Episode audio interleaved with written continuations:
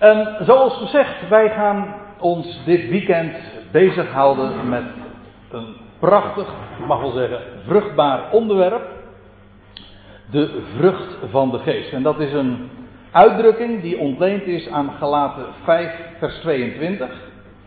Ik zeg het niet helemaal compleet wellicht, want er is nog een schriftplaats wat, waar het voorkomt. Althans, als u een statenverdaling hebt. Daar zullen we ons aankomende zondag mee bezighouden.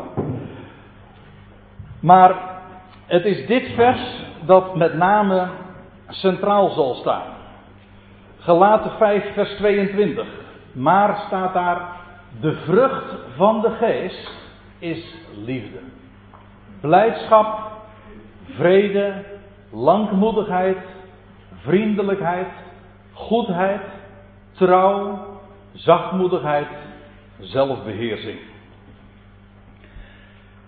En daar is veel over te vertellen. Niet alleen over de inhoud van dit vers. En over de verschillende dingen die hier zo ter sprake gebracht worden. Alleen het voorlezen al vind ik zo verblijvend. En dit zijn toch allemaal unieke eigenschappen. En we realiseren ons wel dat dit geen mensenwerk is. Dat wat hier beschreven wordt, dat is goddelijk. En dat is ook zo. En het geweldige is, er staat ook bij, het is de vrucht van de geest. Hij is het die dat uitwerkt als een vrucht. We willen, nou ja, we hebben een aantal bijeenkomsten, een vijftal om precies te zijn. En we houden ons dit weekend speciaal bezig met de Galatenbrief. En deze eerste bijeenkomst heb ik genoemd Galaten en de Geest. En ik vind het zelf ik hou altijd wel van woordspelletjes. Uh, eigenlijk wel heel dubbelzinnig klinken. Want ik had zomaar een spatie kunnen zetten tussen de eerste en de tweede lettergreep. En dan krijg je ineens een heel andere zin. Ga laten en de geest. Dat had namelijk ook heel goed geklopt. En gekund.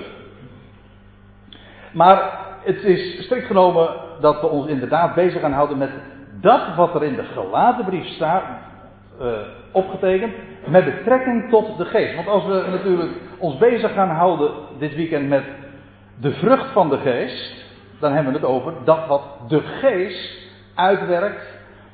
En dat betekent dat dat kennelijk ook terugslaat naar, naar dingen die al eerder in deze brief naar voren gebracht waren door Paulus. En dat klopt. Hij had al een aantal keren over de geest gesproken. En ik denk dat het erg belangrijk is om daar zicht op te hebben.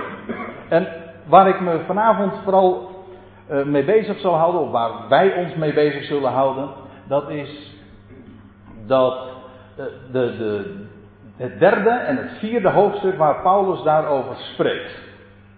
En hij begint in Galaten 3, vers 2 tot en met 5 daarover. Eerder had hij nog niet over de geest gesproken. Maar in dat derde hoofdstuk doet hij dat.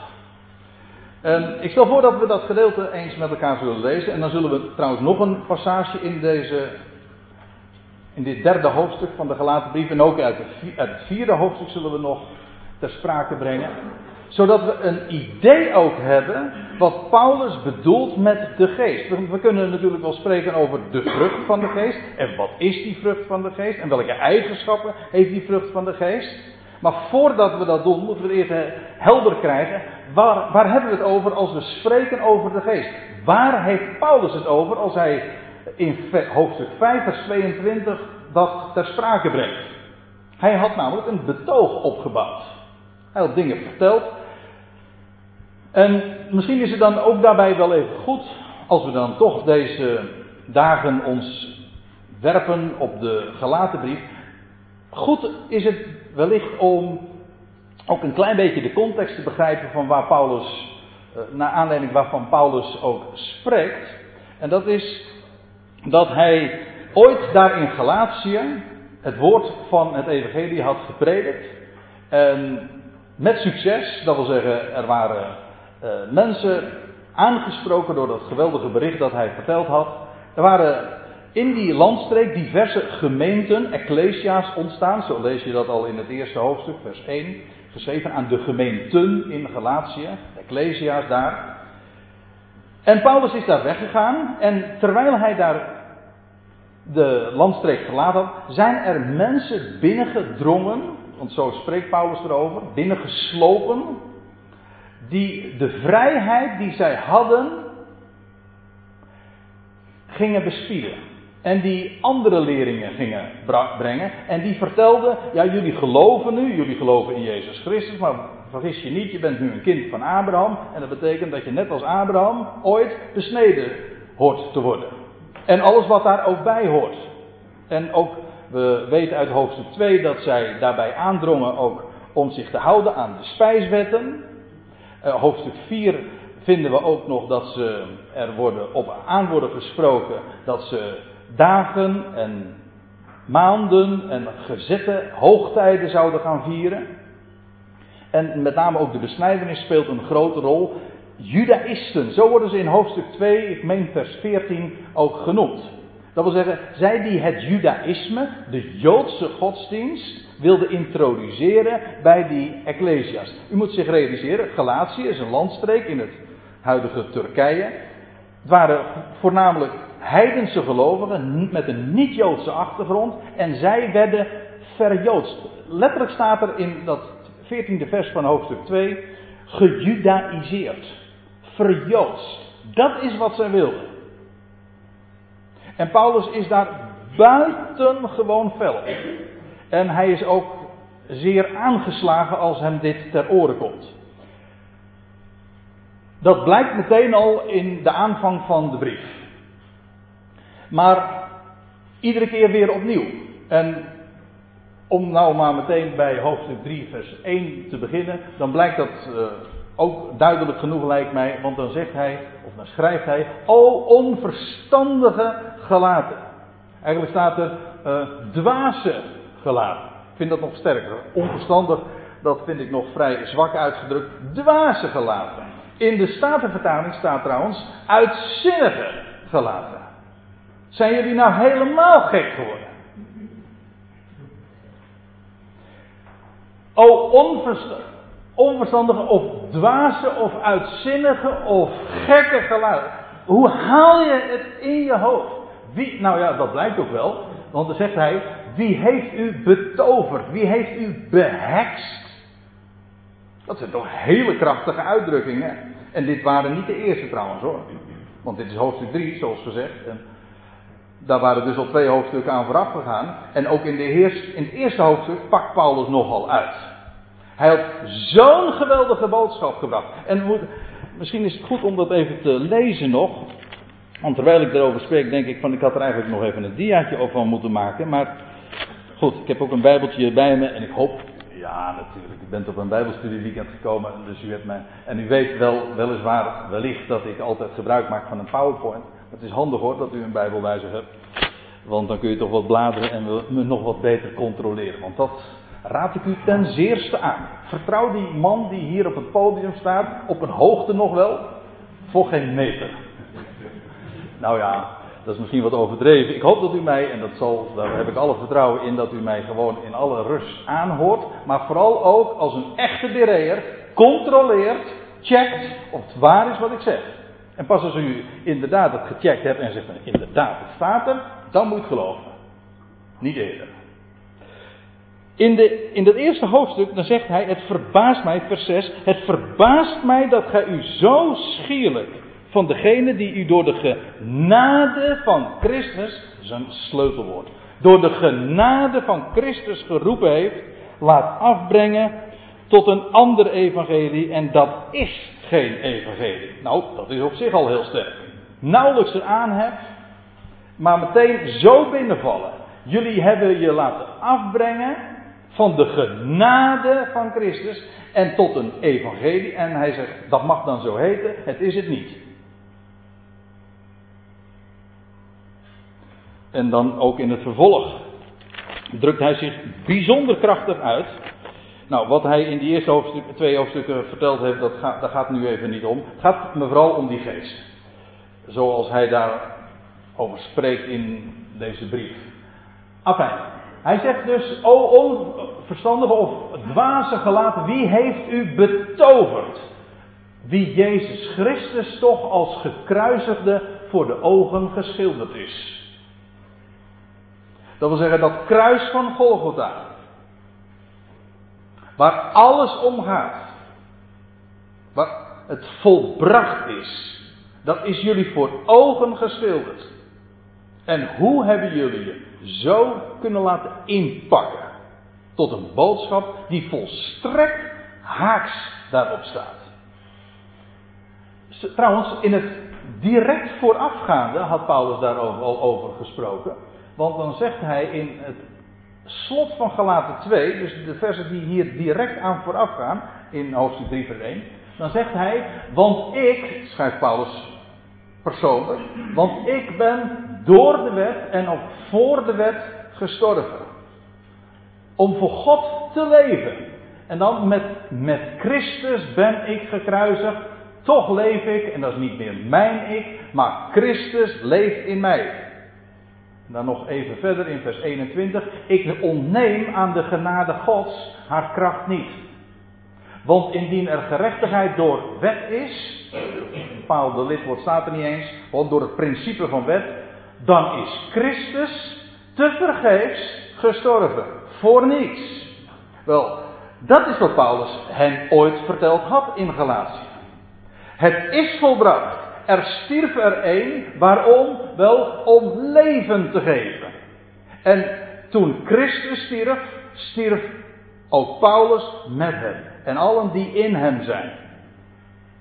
Wij zijn, wij zijn, in ieder geval wij als gelovigen, maar in principe zelfs de hele wereld. Zo lezen wij in 2 Korinthe 5. Eén stierf voor allen en dus zijn allen gestorven. Maar wij die in Christus zijn, wij zijn met hem geïdentificeerd. Hij stierf, wij stierven ook. Hij stond op uit de doden. Want waarom stierf hij anders dan juist om leven te geven? Dat zie je hier ook, hè? Ik ben gestorven, waarom? Om te leven. Hij stierf om aan dit bestaan een einde te maken en om een heel nieuw, onvergankelijk, volmaakt, verheerlijk leven aan het licht te brengen. Wel, dat is waar wij mee verbonden zijn, met Hem. En dan staat er ook, ik, hij zegt, met Christus ben ik gekruisigd, dat telt niet meer dit oude bestaan. God ziet mij nieuw, in Hem, in Christus. Ik leef niet meer, en voor zover, nou ja, dat, dat zeg je juist in deze tussenliggende zinnen nog. En voor zover ik nog leef, dan leef ik door het geloof van de Zoon van God, die mij heeft liefgehad en zich voor mij heeft overgegeven. Maar het ging om de genade Gods. Wel, Christus stierf, dat is voldoende. Dat is volbracht. En nu, wel, er is een heel nieuw leven aan het licht gekomen. En daarin zijn wij verbonden, zo ziet God ons. Wel, Paulus heeft dat hun voor ogen geschilderd. En nu waren ze daarvan afgebracht en dachten ze weer allerlei dingen te moeten doen om beter te worden of om rechtvaardig te leven. Want wat, dat was de gedachte. Men, er werd verteld dat als je rechtvaardig wil leven, dan heb je de wet nodig. En dan heb je te wandelen naar de gebruiken. Je bent weliswaar gered door het kruis en door de opstanding van Christus. Jawel, maar als je nou werkelijk wil groeien en rechtvaardig wil leven, dan kan dat niet zonder wet. Dat was het idee. Nou, Paulus zegt dat als dat zo is, dan is Christus te vergeef gestorven. En hij, kijk, dit is een conclusie, maar hij zet het ook heel systematisch uiteen. Hij toont het aan. En dan vervolgt hij in gelaten 3 vers 2, dit alleen zou ik van u willen weten. Of letterlijk staat er, dit van u zou, zou ik van u willen leren. U ziet onderaan in de dia, uh, vermeld ik meestal ook een, uh, heb ik een plaatje van de interlineair. Waarbij ik even ter toelichting de bovenste regel, dat is de Griekse tekst zoals Paulus die ooit heeft opgetekend. Daaronder de meest uh, concordante, dat wil zeggen eensluidende en letterlijke weergave. En daaronder is de, de, de NBG-weergave, dat wil zeggen zoals de NBG het heeft vertaald. En dan zie je soms verschillen aan het licht komen. En dat is interessant. En dan wijs ik er, als het echt van belang is, wil ik u daar ook zoveel mogelijk op wijzen. Maar goed, met een schuin oog kunt u daar ook iedere keer naar kijken. Tenminste, als het Engels voor u niet een al te groot probleem is. Paulus vraagt: Dit van u zou ik van u willen leren. Hebt gij de geest, of hebben jullie, dat gij, dat is meervoud. Blijkt niet zozeer uit de Nederlandse vertaling, maar zo staat het er wel. Hebben jullie de geest ontvangen ten gevolge van werken der wet, of letterlijk uit werken van wet? Nu wordt het interessant. In verband met ons thema van dit weekend. En in verband met het onderzoek dat we speciaal dit, deze avond doen. Namelijk de wijze waarop Paulus de geest Gods ter sprake brengt in deze brief. En hier doet hij dat voor de eerste keer. Hij zegt: Hebben jullie nou die geest? Dat is een, een, een retorische vraag. Zoals hij dat voortdurend nu doet in, deze, in dit gedeelte. Hebben jullie de geest ontvangen uit werken van wet? Zo schreef hij dat letterlijk. Of van de prediking van het geloof? Trouwens, letterlijk staat er het horen van het geloof. Niet dat het, uh, het verschil nou zo heel erg groot is, natuurlijk. Hij heeft geloof gepredikt. Maar het idee is dat hij twee dingen tegenover elkaar plaatst. Kijk, geloof heeft namelijk altijd te maken met horen. En wat hij tegenover elkaar plaatst is dit. Aan de ene kant werken en wet, de werken der wet. En aan de andere kant horen en geloof. Dat is interessant. Kijk, die gelaten, of Galatiërs, hoe je het maar hebben wil, die hadden geen Joodse achtergrond. Die hoorden de boodschap van Jezus Christus, van Gods liefde, van Gods genade. Eén stierf voor allen. En daarmee was Gods genade en Gods liefde bewezen. Heel de mensheid is daarin begrepen. God heeft de wereld lief en maakt alles wel. Wel, als dat de waarheid is, en dat hadden ze verstaan, zo hebben ze het beaamd, geloofd. Toen ontvingen ze de geest. Ze waren geen Joden, ze kenden de gebruiken van het Jodendom niet, ze kenden de wet niet, helemaal niets. Ze hebben niets gedaan. Wet ook, Paulus heeft hen ook niet verteld wat ze moesten doen. Paulus heeft hen een bericht gebracht. Namelijk van wie God is en wat hij bewezen heeft. En wie Jezus Christus is, hoe hij de vervulling is van de profetie, etc. Dat is een mededeling, een geweldig goed bericht, een evangelie, een blijde boodschap. Nou, dat geloofden zij. Dat hoorden ze en daar zeiden ze amen op. En ze waren er blij mee. En zo ontvingen ze de geest van God. Zo staat het er ook. Het is een retorische vraag, zoals gezegd. Hebben jullie de geest ontvangen uit werken van wet of door het horen van geloof? Nou, zoals gezegd, het was, dat is een retorische vraag. Het is namelijk precies zoals in de, deze laatste zin gesuggereerd wordt. Zij hoorden en ze geloofden. En ze ontvingen de geest. Dat is trouwens het universele principe. En ik wil u meenemen naar Efeze 1 in dat verband. Het gaat ook over het ontvangen van de geest. De geest van God. De kracht van de Allerhoogste. Het is een mooi vers. Juist van de week stuitte ik nog weer op iets wat ik me niet eerder gerealiseerd had. En dat was voor mij de aanleiding om een blogje daarover te schrijven. Dus het zit mij allemaal nog erg kerstvers in het geheugen. En ik wil u graag daarin eens even meenemen en daar ook bij bepalen. Daar staat dit in vers 13.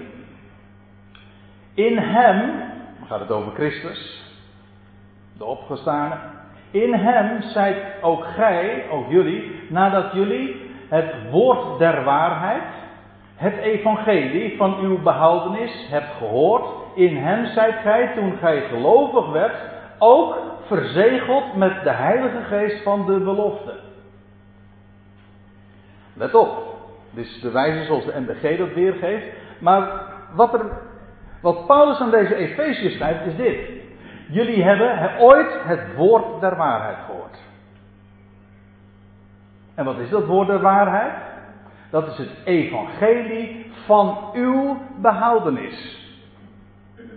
Van jullie redding. Het is een beetje oud-Nederlands, dus we vertalen dat gewoon in woorden die we nu spreken.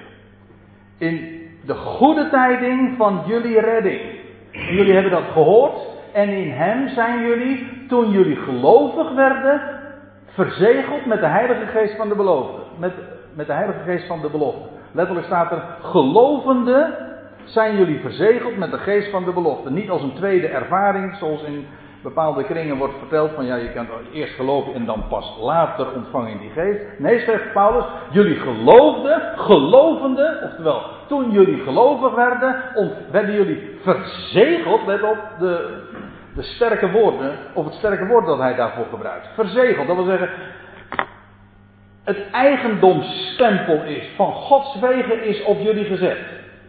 Onverbrekelijk. Ook dat is nooit meer ongedaan te maken. Verzegeld van Gods wegen.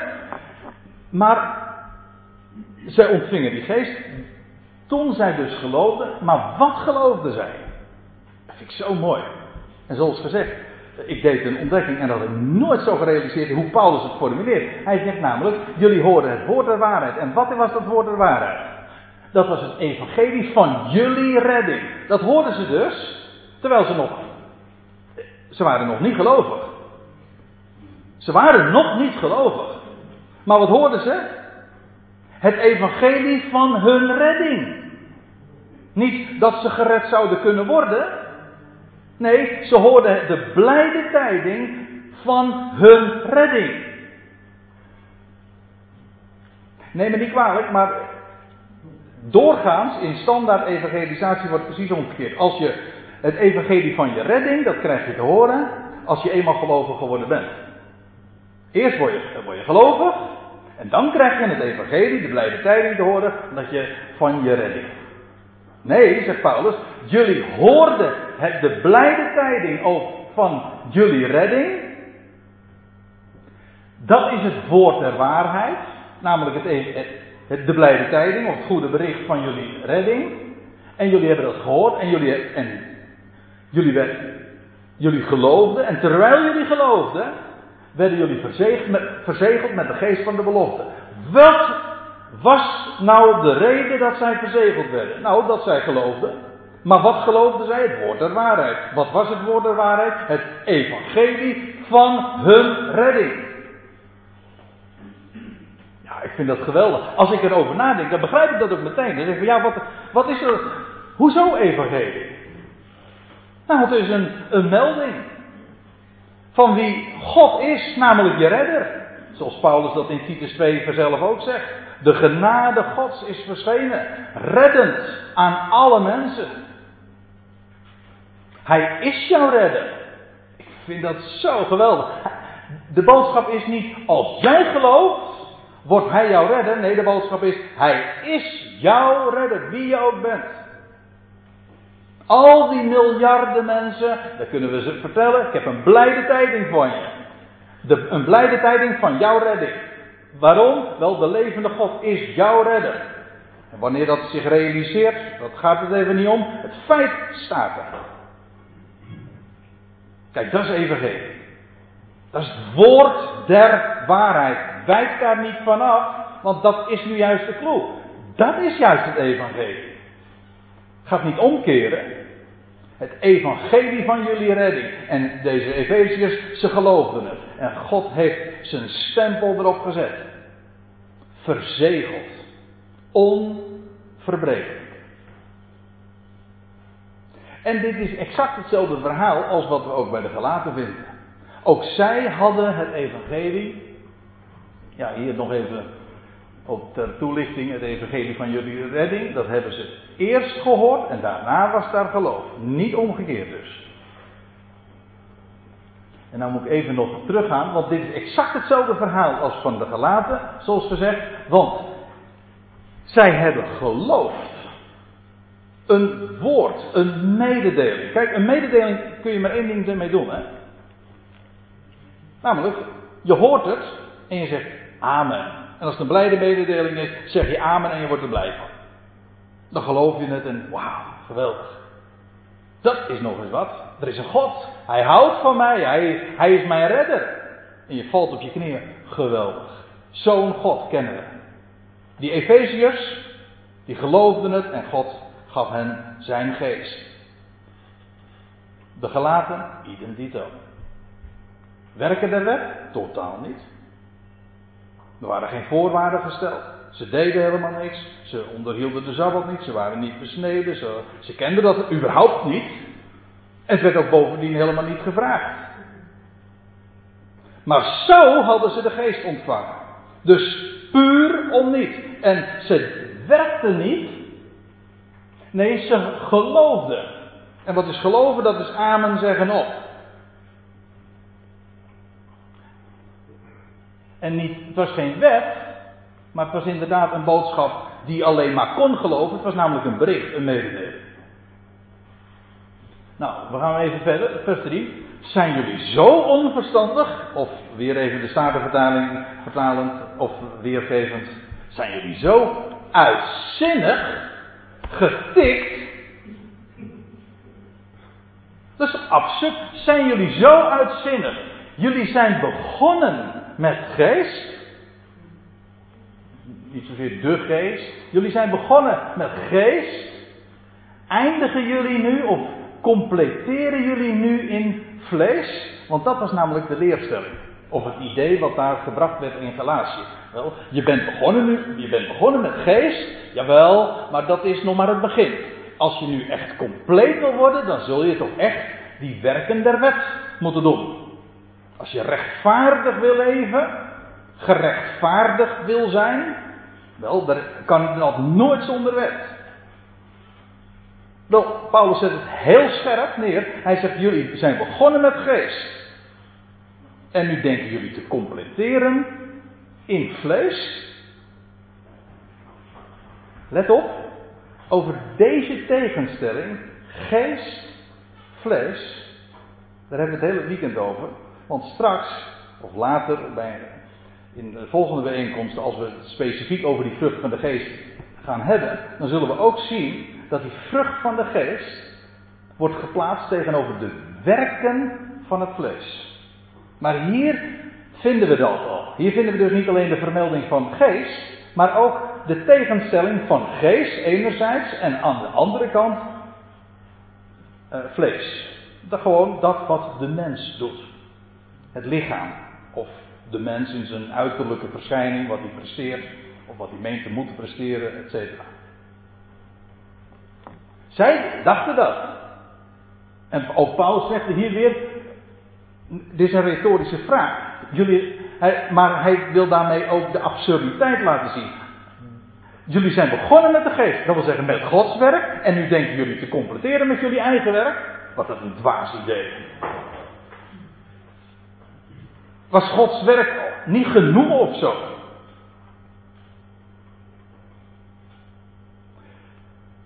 En hier hebben we dus inderdaad de tegenstelling wordt nog sterker. Dus aan de ene kant werken tegenover horen, wet tegenover geloof en vlees tegenover geest. Die tegenstelling vinden we in de kiem hier al in hoofdstuk 3, vers, wat is het?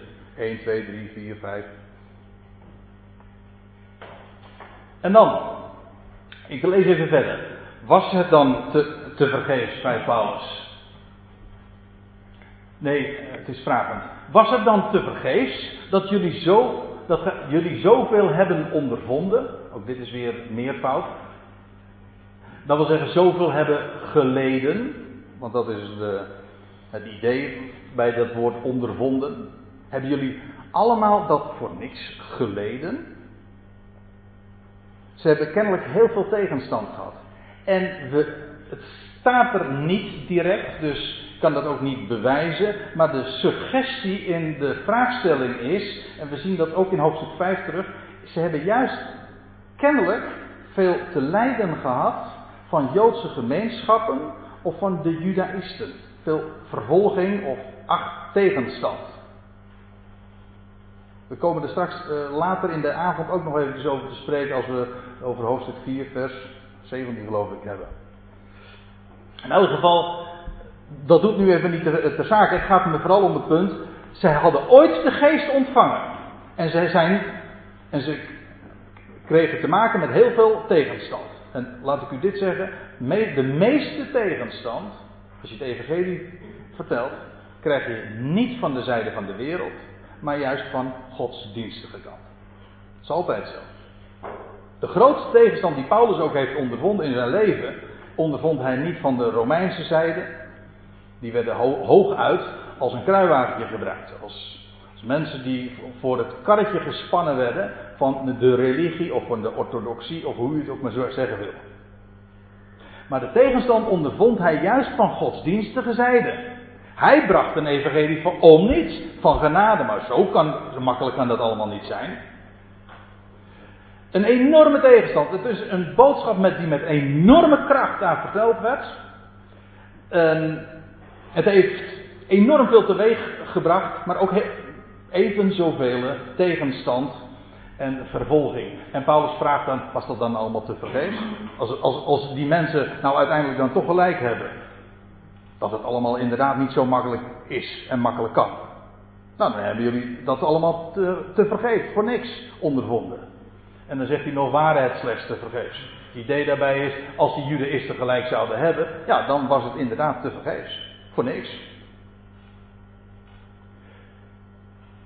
We gaan nog even verder. Vers 5, waar hij opnieuw de geest ter sprake brengt.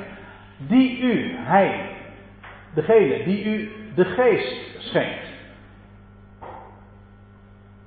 En krachten onder u werkt. Dat woord kracht is wel mooi. Dat, wordt, uh, dat is het woordje dynamisch. Waar wij ons woordje dynamiet nog in herkennen.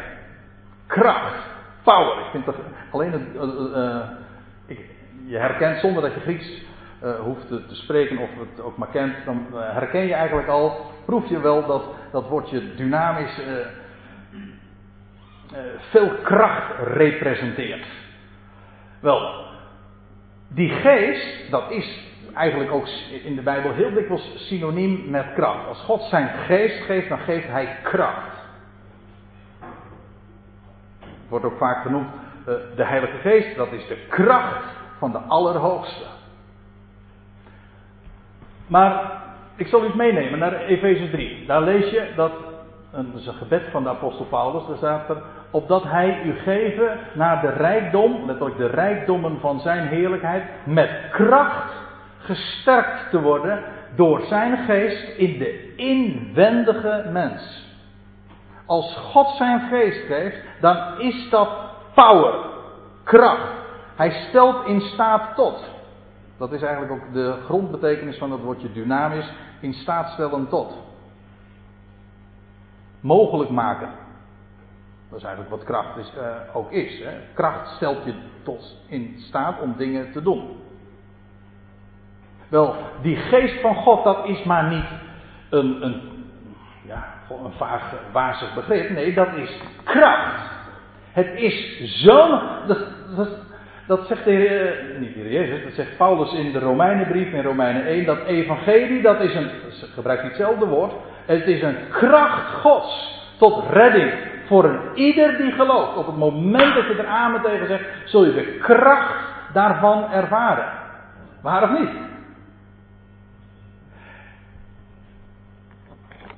En dan die de geest schenkt, hij zegt, en krachtig onder u werkt. Krachten, krachtige dingen.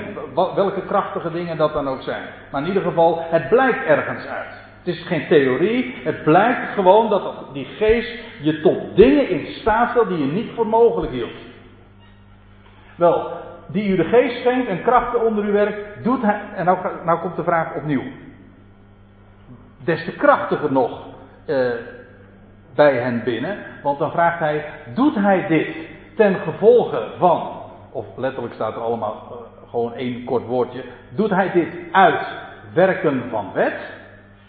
Of van de prediking van geloof? Of ook hier weer dat horen van geloof. Zoals gezegd, geloof heeft te, altijd te maken met horen. Je krijgt geen opdracht, nee, je krijgt iets te horen, een mededeling en dat hoor je en je gelooft het.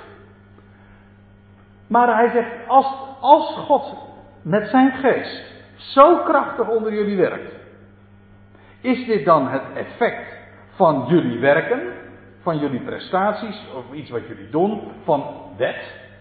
Iets wat je opgedragen krijgt, een commando?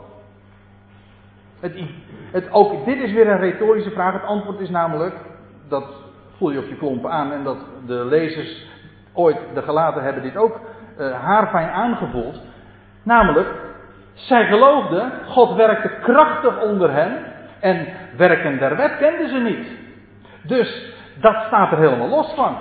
Als hij dus zegt, een vraag, als doet hij dit uit werken van wet of van de, het horen van geloof? Het antwoord is nee, puur door geloof en niks anders.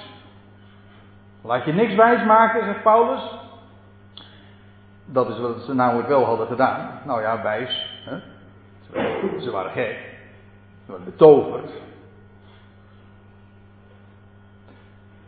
Maar dat was de leer die bij hen ingang had gevonden.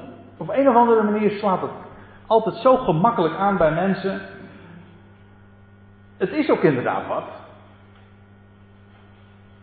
Het, het evangelie is zo bijzonder. Waarom? Omdat het vertelt van wie God is en wat hij gedaan heeft, wat hij gedaan heeft, wat hij doet, wat hij zal doen. En, en wij dan? Nou, wij zeggen heel blij amen daarop. Maar geheid, van welk soort dan ook, want dat kunnen judaïsten zijn, maar het kan allerlei principes van wet zijn. Het is trouwens ook grappig, dat kan ik in dit verband wel even op wijzen. Er staat eigenlijk ook niet werken der wet, dat wil zeggen werken van de wet. Er staat gewoon werken van wet, onbepaald. Het gaat namelijk om, werken van wet, van welk soort dan ook. Wat er ook gecommandeerd wordt, wat er ook geboden wordt dat je zou moeten doen. Dat is het niet. Natuurlijk dat, dat die gedachte soms bij je opkomt. Zeg ik, maar zo simpel kan het toch niet zijn.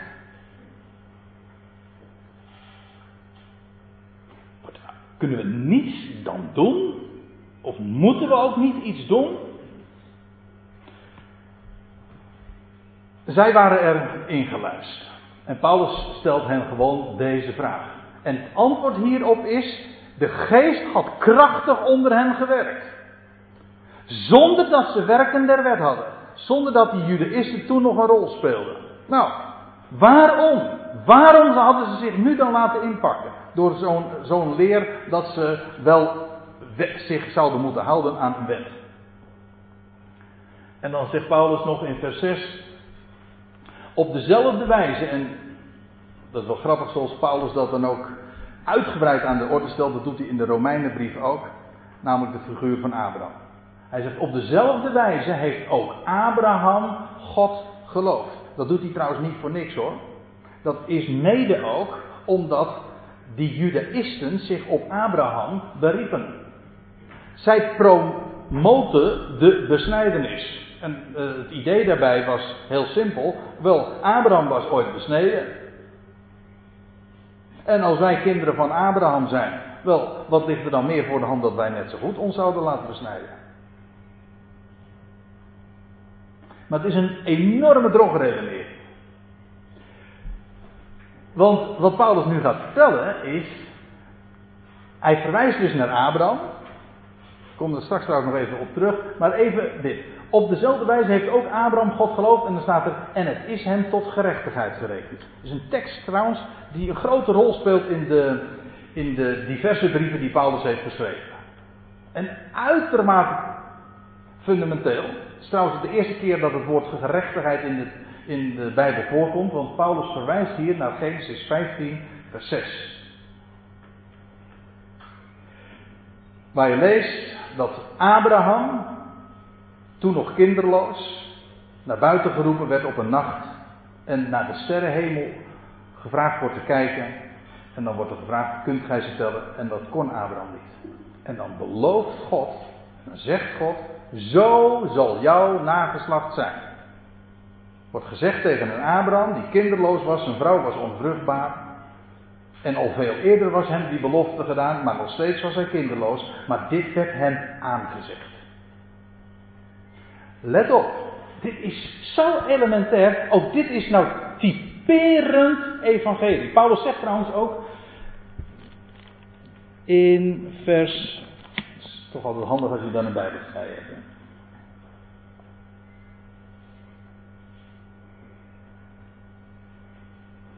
Alleen, ik kan het, het staat nu niet meer in de Bijbel, lijkt me. Wie heeft hier uitgeschrapt? Nee, het staat er nog wel. Ik was een beetje overhaast in mijn conclusie. Uh, er staat in vers 8, daar heb ik dus geen diaatje van, maar er staat in vers 8. En de schrift die tevoren zag dat God de natieën uit geloof rechtvaardigt, heeft tevoren aan Abraham het evangelie verkondigd. Abraham kreeg het evangelie te horen. Namelijk een blijde tijding. Hoezo? Nou, hier. Hij gaat op een nacht naar buiten en hij krijgt te horen, terwijl hij die sterrenhemel ziet, in de woestijn, zoveel sterren, zo zal jouw nageslacht zijn. Het is een aanzegging, een mededeling. Niets werd van hem gevraagd. Helemaal niets. En dan staat er, en Abraham geloofde God. En het werd hem tot gerechtigheid gerekend, oftewel, Abraham was een rechtvaardige. Geloof is hetzelfde als een rechtvaardige. God rekent geloof tot gerechtigheid. Niet dat je iets doet, maar gewoon dat je amen zegt op zijn belofte. Want het was een belofte. Er werd niet eens gezegd van Abraham als je zus of zo doet. Helemaal niets. Geen enkele voorwaarde. Maar juist daarom is het ook evangelie. Op het moment dat er een voorwaarde gekoppeld wordt aan evangelie, is geen evangelie meer. Is dat niet een beetje zwart-wit? Ja, dat is verschrikkelijk zwart-wit. Maar het is de waarheid. Het is het woord der waarheid. Gaat omkeren, je hebt geen evangelie meer. Abraham kreeg dat te horen en Abraham geloofde dat. Een boodschap die volkomen onvoorwaardelijk was. En Abraham geloofde, hij er staat letterlijk in het Hebreeuws ook een woord waar ons woord amen van afgeleid is. Hij beaamde God. Ons woord, ons woord uh, amen is verwant aan het Hebreeuwse woord voor geloven dus. Het is zo. Dat is de waarheid. Hij hoorde alleen maar iets. Er werd dus niets gevraagd. Er werden geen werken van hem gevraagd. Er werd hem ook niets gecommandeerd. Dus geen werken, geen wet, niets. Hij hoorde. En er werd hem iets aangezegd. Een volstrekt onvoorwaardelijke belofte. Dat was juist de essentie, daarom was het evangelie. Abraham geloofde dat en dat rekent God tot gerechtigheid. Dan ben je een rechtvaardige. Als je niets van jezelf verwacht, maar alles van hem. Nou, Abraham was zo'n rechtvaardige. Moet u nagaan. Hij was toen onbesneden. Later krijgt hij als zegel, dat legt Paulus in Romeinen 4 nog vrij uitgebreid uit, als zegel daarvan krijgt hij de besnijdenis. Maar hij was een rechtvaardige. Puur door geloof. Abraham geloofde God en het werd hem tot gerechtigheid gerekend. Oh ja, ik had het er al inderdaad die erbij vermeld. Hij was toen onbesneden. Romeinen 4 vers 10 wordt dat zo gezegd ook. Abraham, of uh, pardon, uh, Paulus stelt zelf die vraag. Hij zegt, was hij, was toen besneden of was hij onbesneden? En Paulus beantwoordt zijn eigen vraag. Hij zegt, nee, ja, was onbesneden toen. Dus een onbesneden iemand, die was door God tot rechtvaardige verklaard. Alsjeblieft, mensen. En of je nou, of je nou behoort bij, tot dat besneden volk, of je hoort bij de onbesneden, je bent een kind van Abraham. Je bent een gerechtvaardigd als je net in de voetsporen van Abraham treedt en gelooft zoals hij. Namelijk op een evangelie, op een volstrekt onvoorwaardelijke belofte. We gaan nog even verder. Want we hebben nu de eerste versen gelezen. Dat korte pericoopje in hoofdstuk 3, de eerste versen van dat hoofdstuk. Waarin Paulus zo die vragen aan hen stelt. Hij zegt, jullie hebben die geest ontvangen. Dat was puur door horen. En hij heeft niks te maken met werken en niks te maken met wet. En ook niks te maken met het vlees. In hoofdstuk 3 vers 14 brengt hij het opnieuw te sprake, ook nog steeds terwijl hij bezig is spreken over Abraham. En dan staat er, zo is de zegen van Abraham tot de natieën of tot de heidenen, maar dat betekent gewoon de natieën, gekomen in Jezus Christus. Uiteraard, dat had Paulus in de voorgaande versen nog uiteengezet. En dan zegt hij, opdat wij de belofte van de geest ontvangen zouden door het geloof. En als, als je dat dan leest, moet je iedere keer er dus bij denken, omdat Paulus iedere keer die tegenstelling namelijk maakt, door het geloof en niet uitwerken. Soms zegt Paulus dat er ook inderdaad uitdrukkelijk bij.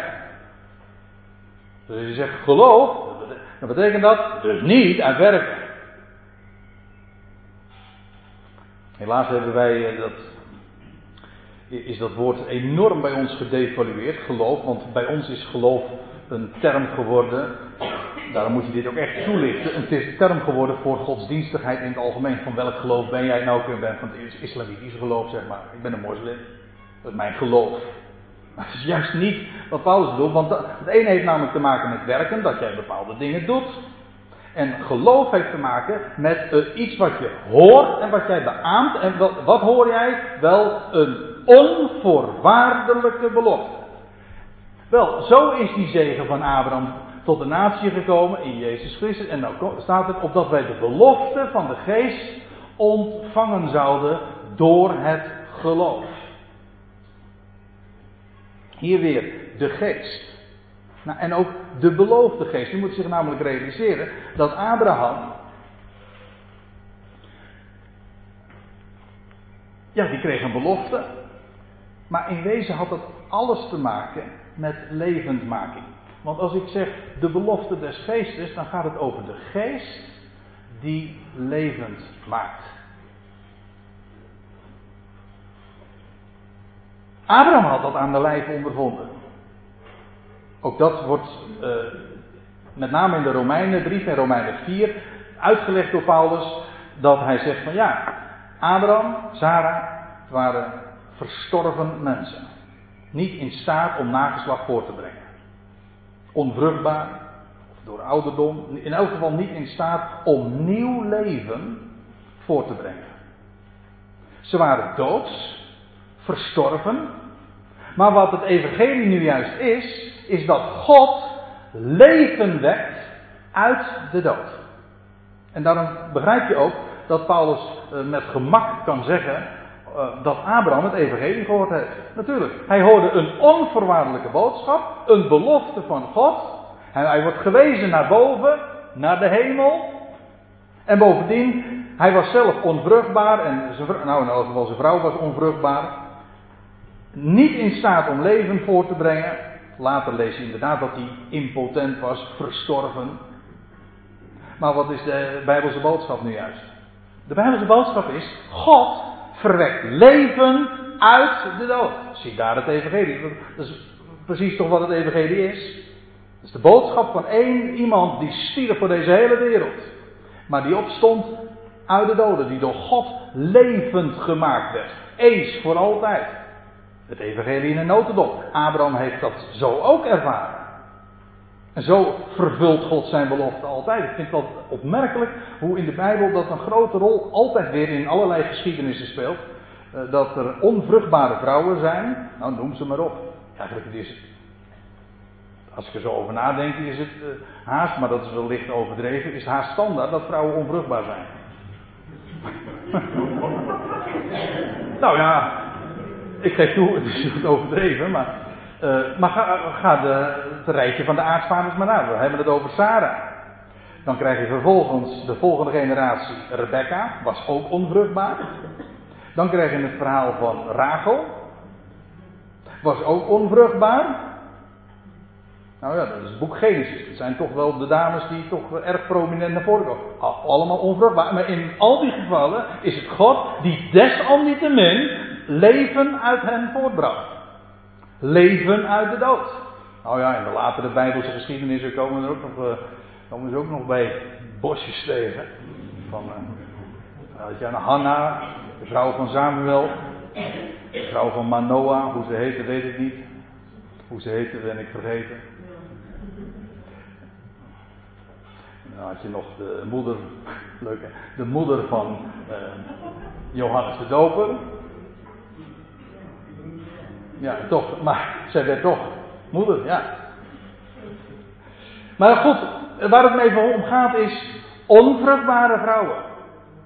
De mens was niet in staat tot het voortbrengen van nieuw leven. Nee, de mens niet. Maar dat is nu juist het standaard bij onze verhaal. Daar waar de mens stopt, waar de mens aan zijn plafond is gekomen, het menselijk vermogen ontoereikend is, daar begint God. Ons plafond, zijn vloer. Die belofte van de geest, dat is die geest die levend maakt. Die uitdrukking komen we trouwens letterlijk zelfs uh, ook zo tegen in 2 Korinthe 3 vers 6, 1 Korinthe 15. Wellicht dat we er later in dit, dit weekend ook nog, nog even naartoe zullen gaan, naar deze specifieke schriftplaatsen. Hier is het even de belofte van de geest. Hoe ontvangen die? Niet door werken? Nee, door geloof. In geloof en wat? Wel een onvoorwaardelijke belofte. Het woord der waarheid. Of het evangelie van jullie redding. Ik vind dat echt zo geweldig. En Abraham, ja, Abraham geloofde dat, maar Paulus benadrukt dat iedere keer weer opnieuw. Het is genade. En dat is geen theorie, is de waarheid. Laat je er niet van afbrengen. Het is fataal. Fataal ook voor je leven.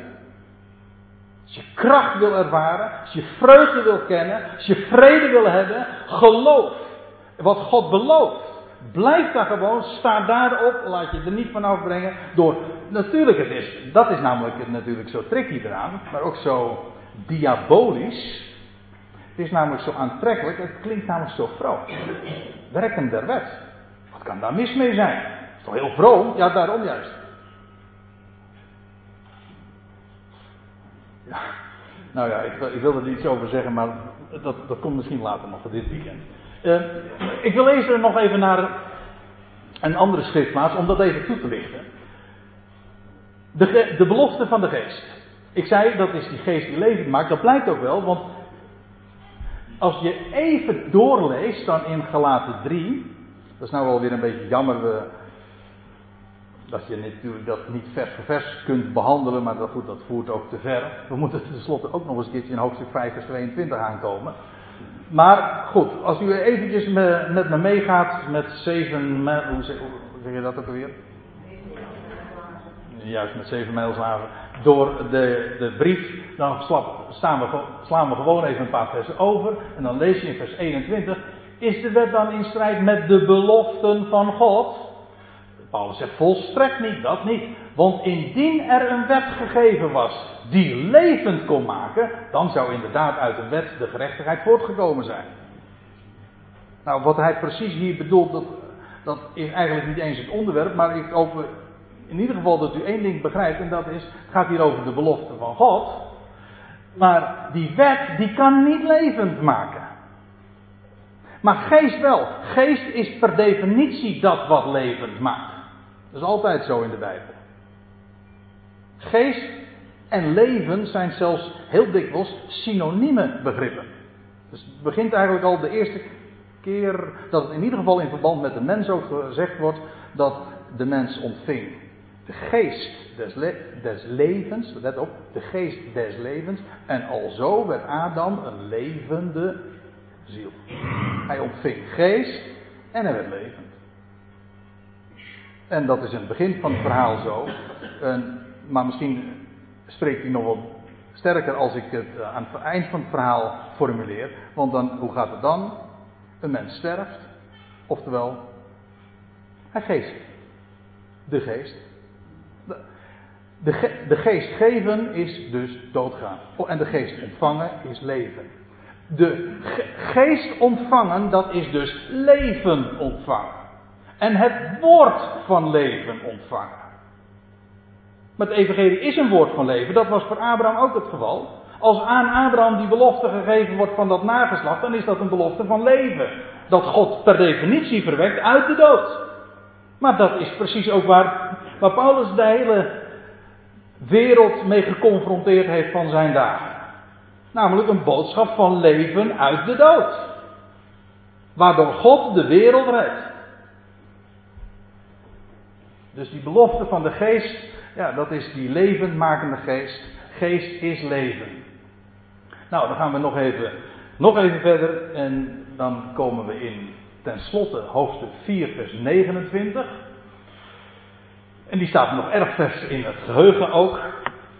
Ja, niet alleen maar omdat ik dat van de week die PowerPoint heb gemaakt, maar omdat ik afgelopen zondag in Rotterdam heb mogen spreken over deze geschiedenis aan het einde van Gelaten 4. Eigenlijk stond het er helemaal los van, maar bij nader inzien bleek het een heel mooi opstapje te zijn voor de studie, voor de van, van dit weekend. Ik had het namelijk afgelopen zondag in Rotterdam, en een aantal van u waren daar ook bij, over Hagar en Zara. Kijk, het idee daarbij is, Paulus brengt dat expres zo ter sprake, want die mensen die beriepen zich erop dat ze kinderen van Abraham waren. Ja, zegt Abraham, dat kan wel wezen, maar Abraham had twee zonen. Hè? De vraag is namelijk niet wie je vader is, de vraag is wie je moeder is. Een Jood zou dat moeten aanspreken, want als, je, als je wil weten of je Jood bent, dan moet, je dat, dan moet dat via de moederlijke lijn worden bewezen. Maar goed. Wie is je moeder? Dat is de vraag. Want Abraham zegt hij, Paulus, en dat legt hij dan zo mooi uit. En dan begint hij dat gedeelte met: Zeg mij, jullie, jullie willen onder de wet leven? Zeg mij, gij die onder de wet wil staan. Luisteren jullie zelf niet naar de wet? En dan gaat hij dat vertellen over. Eh, dan haalt hij inderdaad de Torah aan. En dan gaat hij dat verhaal vertellen over, over Abraham, die twee zonen had. Eén van de slavin, let op. En één van de vrije, Sarah, die geen slavin was. En de ene, die slavin, die verwekt ook een kind, jazeker. Maar dat was niet het kind van de belofte. Dat was allemaal eigen werk. Abraham die dacht God een handje te moeten helpen. En trouwens op initiatief van zijn vrouw. Want ja, zo makkelijk kon dat toch niet zijn. En God zal het wel zo. Zus heeft hij misschien wel gezegd, maar hij bedoelde natuurlijk zo. En het vlees gaf een bijdrage. Gaf alleen maar ellende natuurlijk. Maar God had beloofd. God had beloofd, zo ga ik het doen. Puur om niets. Door Sarah, door Sarah zal van nageslacht van u gesproken worden. En dat was het kind van de belofte. En dan is het zo leuk. Nou zal ik u eens bepalen bij dat vers, Galaten 4 vers 29. Dan zie je dat dit alles te maken heeft met ons onderwerp. Want ik kan me heel goed voorstellen dat je misschien vaag uh, nu het idee hebt van, nou je brengt dat nu zo ter sprake, maar ik uh, herken hier nog weinig van die vrucht van de geest in. Ja, wacht even. Niet te vroeg met je conclusie. Want ook hier gaat Paulus weer spreken over de tegenstelling tussen geest en vlees. En nadat hij dus in die, in die pericoop verteld had over Ismaël en Isaac, over Sarah en Hagar, waarbij hij trouwens ook dan nog zegt, Hagar, ja Hagar, dat is uh, de berg Sinaï in Arabië. Dus Hagar is echt een type van de wet een intermezzo. God had zijn belofte gegeven. De, belofte, de beloofde zoon was nog niet gekomen. En in die tussentijd heb je daar Hagar. Maar die staat juist voor de berg Sinaï. Dus het klopt typologisch helemaal. Het is een prachtverhaal. En ja, Paulus zegt: luisteren jullie niet naar de wet? Jullie willen die wet doen. En mensen denken dan van ja, de, als je de wet gelooft, dat betekent dat je de wet doet. De commando's die daarin staan, opvolgen. Nee, Paulus zegt het is, het, het gaat anders. Het heeft te maken met belofte. En luisteren naar die wet, dat wil zeggen luisteren naar het onderwijs van die Torah. Torah, Torah betekent ook onderwijs. Onderricht. Nou. En u weet hoe het is, hè? Laat je niet vertellen dat. Dat is wat Paulus in deze hoofdstukken zo duidelijk vertelt. Ga je, laat je niet vertellen van ja, eh, het is aan de ene kant wet, maar het is ook genade. Die twee. En men zegt dan altijd van, Er hoort balans tussen die twee te zijn. Enerzijds wet en anderzijds genade. En mensen die het nog wat willen omkeren, die misschien wat lichter zijn, die zeggen nou nee, eerst genade en dan ook nog wet. Maar het maakt niet uit op het moment, die twee verdragen elkaar niet. Het is geen kwestie van balans, het is een kwestie van een onheilige mix. Sterker nog, het is een giftig mens. En dat is wat Paulus schitterend in dit gedeelte naar voren brengt. Want hij zegt: Het is of de zoon van de slavin, of het is de zoon van de vrije. Of het is degene die door het vlees verwekt is, of degene die naar de geest verwekt is. Eén van beide. Want één, die zoon van de slavin, die moest weg. Daar ging het. Wil je een zoon van Abraham zijn? Welke zoon? Van welke moeder? Van de vrije of van de slavin? Schitterend zoals Paulus uh, deze Galatiërs uh, van repliek dient. En hoe hij antwoord geeft op hun vragen. Prachtig, als je tenminste de oren voor hebt. Maar nou heb ik nog niet gelezen wat hier staat.